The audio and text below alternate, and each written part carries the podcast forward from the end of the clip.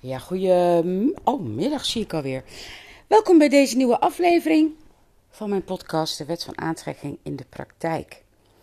Ik was net mijn huis aan het dweilen. Dat is het voordeel van een regenachtige vakantie. Dan wordt het binnen erg schoon. Normaal ben ik dan druk in de weer buiten. Maar nu wisselen we het mooi af. Maar goed, dat even tezijde.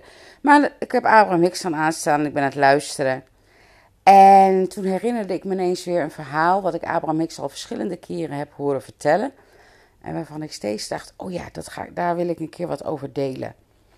Nou, dat is leuk aan vakantie hebben. Dan poppen die dingen weer op en dan heb je er ook tijd voor. Of in mijn geval, ik voel er tijd en ruimte voor. En dat zijn van die verhalen. Die, uh, soms is het een verhaal over uh, wat Esther en Jerry zelf meemaakten of meemaken. Of Esther dan in dit geval. Nu gaat het over een verhaal over iets wat op een school ergens in Amerika is gebeurd. Of georganiseerd moet ik zeggen.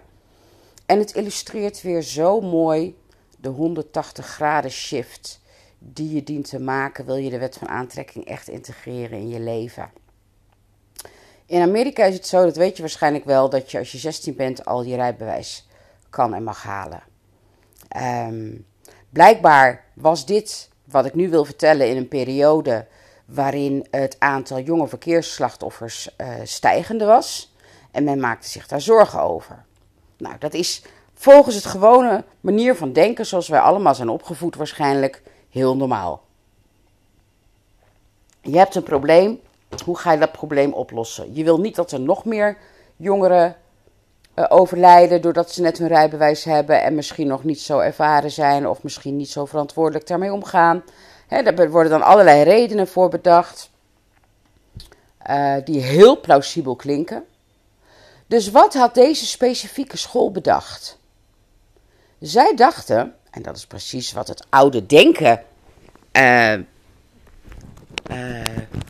inhoudt, wij moeten deze jongeren echt met de neus op de feiten gaan drukken. Wij moeten hen een ervaring geven die zo uh, heftig is, die zoveel indruk maakt, dat zij op basis van die negatieve ervaring hun gedrag gaan aanpassen, waardoor er minder verkeersslachtoffers zullen zijn. Jongere verkeersslachtoffers zullen zijn.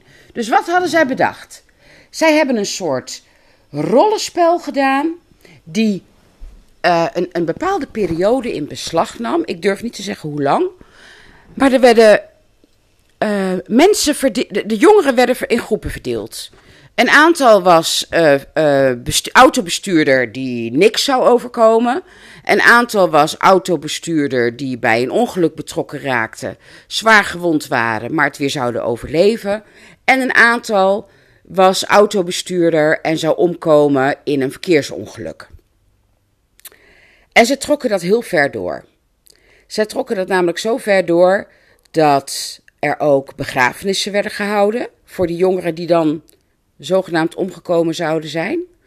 Uh, er werden opnames in het ziekenhuis geregeld. Uh, nou, ze hebben het zo echt mogelijk nagespeeld wat de realiteit zou zijn als men hun verkeersgedrag niet aan zou passen. En met de beste bedoelingen natuurlijk. Want deze mensen houden van die jongeren. Want de ouders waren er ook bij betrokken. Hè? Die kwamen ook naar de begrafenissen. En die werden gerouwd en, en, en die werden gecondoleerd. En er werden rouwkaarten gedrukt. Het was zo echt mogelijk. Alsof het de realiteit was.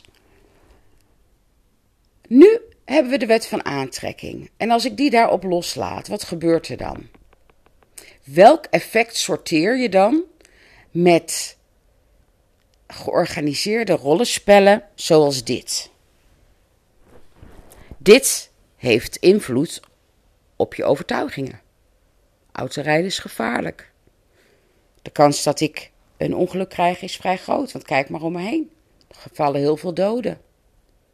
Je kunt gewond raken, je kan, kan, kan uh, uh, gehandicapt raken, je kan overlijden. Auto's zijn gevaarlijk.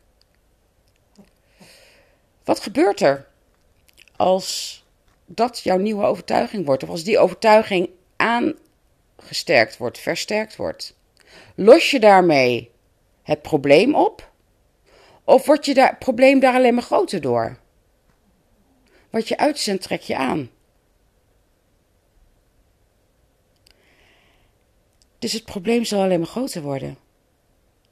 Want deze jongeren hebben een, een bewustzijn, uh, een versterking van het bewustzijn gekregen dat auto's gevaarlijk zijn, dat zij onverantwoordelijk zijn, dat je heel voorzichtig moet zijn. Alles vanuit angst beredeneerd. Het is allemaal vanuit angst beredeneerd. Die hele situatie, dat rollenspel of toneelstok, hoe je het noemen wil, is allemaal vanuit angst ontstaan. Vanuit het probleem ontstaan en niet vanuit de oplossing. En Abraham Hicks, of de wet van aantrekking, leert ons: zolang je blijft focussen op het probleem, creëer je alleen maar meer van hetzelfde. Want de energie van het probleem is een totaal andere energie dan de energie van de oplossing.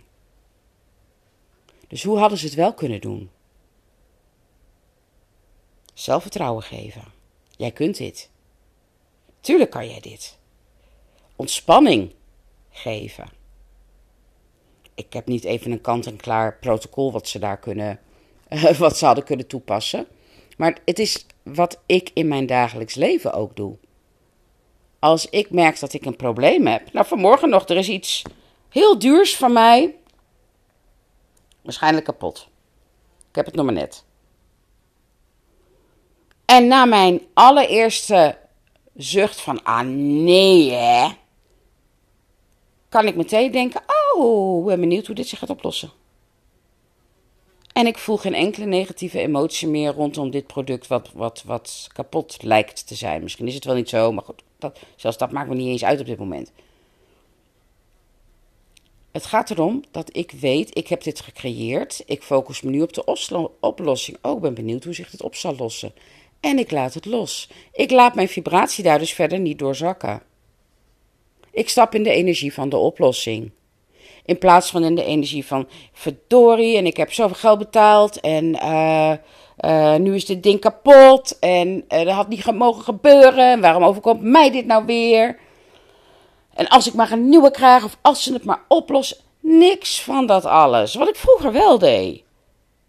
Want dat is het denken waarmee wij zijn opgegroeid. Het denken vanuit het probleem. We moeten ons focussen op het probleem, want we hebben een probleem op te lossen. En nu is het alleen even een zucht. En meteen schakelen komen, denk ik: Oh, nou, ik ben heel benieuwd hoe dit zich op zal lossen. Want everything is always working out for me. Het zal misschien niet gaan op de manier zoals ik het kan bedenken, want zo gaat het bijna nooit, kom ik achter. Maar dat is ook het leuke, want dat maakt het leven verrassend. Die zie je ook niet aankomen. Dat maakt het leven avontuurlijk, vind ik. Maar je moet er wel open voor staan. Je moet dus wel de controle loslaten. Want als je controle hebt over hoe je je voelt, ligt de wereld aan je voeten.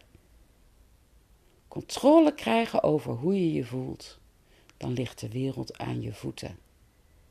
Want als jij elke keer als jij contrast meemaakt, dat is eigenlijk stap 5 hè, van het creatieproces. Elke keer als jij contrast meemaakt, zoals ik met dit apparaat, dat ik even denk, ah shit, nee hè. En meteen kan denken, oh, ben benieuwd hoe dit zich oplost. Als je dat elke keer kan doen, dus van het negatieve meteen naar het positieve springen. Ik heb dus geleerd om controle te hebben over hoe ik me voel in contrastsituaties. Dan ligt de wereld aan je voeten, want de oplossing staat al lang klaar. Ik hoef hem alleen maar te ontvangen. En het enige wat ik hoef te doen is in de energie van de oplossing te blijven. That's all. That's all. Dus ik ben heel benieuwd hoe dit resoneert bij jou en ook dat verhaal. Want ik kan me ook voorstellen dat je denkt over dat verhaal van die jongeren in Amerika, hoe ze dat opgezet hebben en georganiseerd. Van ja, maar je moet de jongens ook uh, met de neus op de feiten drukken, want hoe leren ze anders? Nou ja, maar als je ze leert hoe dingen misgaan, dan trekken ze meer en meer dingen aan die misgaan. Breng ze naar de oplossing. Breng ze naar de energie van de oplossing. Dan moet kijken wat het met de vibratie in huis ook doet, als je dat zelf met je kinderen doet. En voor jezelf. Oh man. Dat is echt zo'n sfeer uh, mover, beweger. Uh, ja, god, soms weet ik de Nederlandse woorden niet eens. werkt zo positief op je sfeer, op de sfeer in jezelf en dus in je omgeving. Het is de shift die je moet maken. Focus je op problemen, focus je op de oplossing. En hoe groot is jouw vertrouwen? Hoe ben jij al in staat om de controle los te laten? Daar komt het op neer. Nou, hopelijk inspireert dit jou weer om zelf stappen te maken. Om zelf een shift te maken in je bewustzijn en je manier van denken. En uh, dan blijf ik altijd terugkomen op de essentie. Make the most of now. En tot heel gauw. Hoi!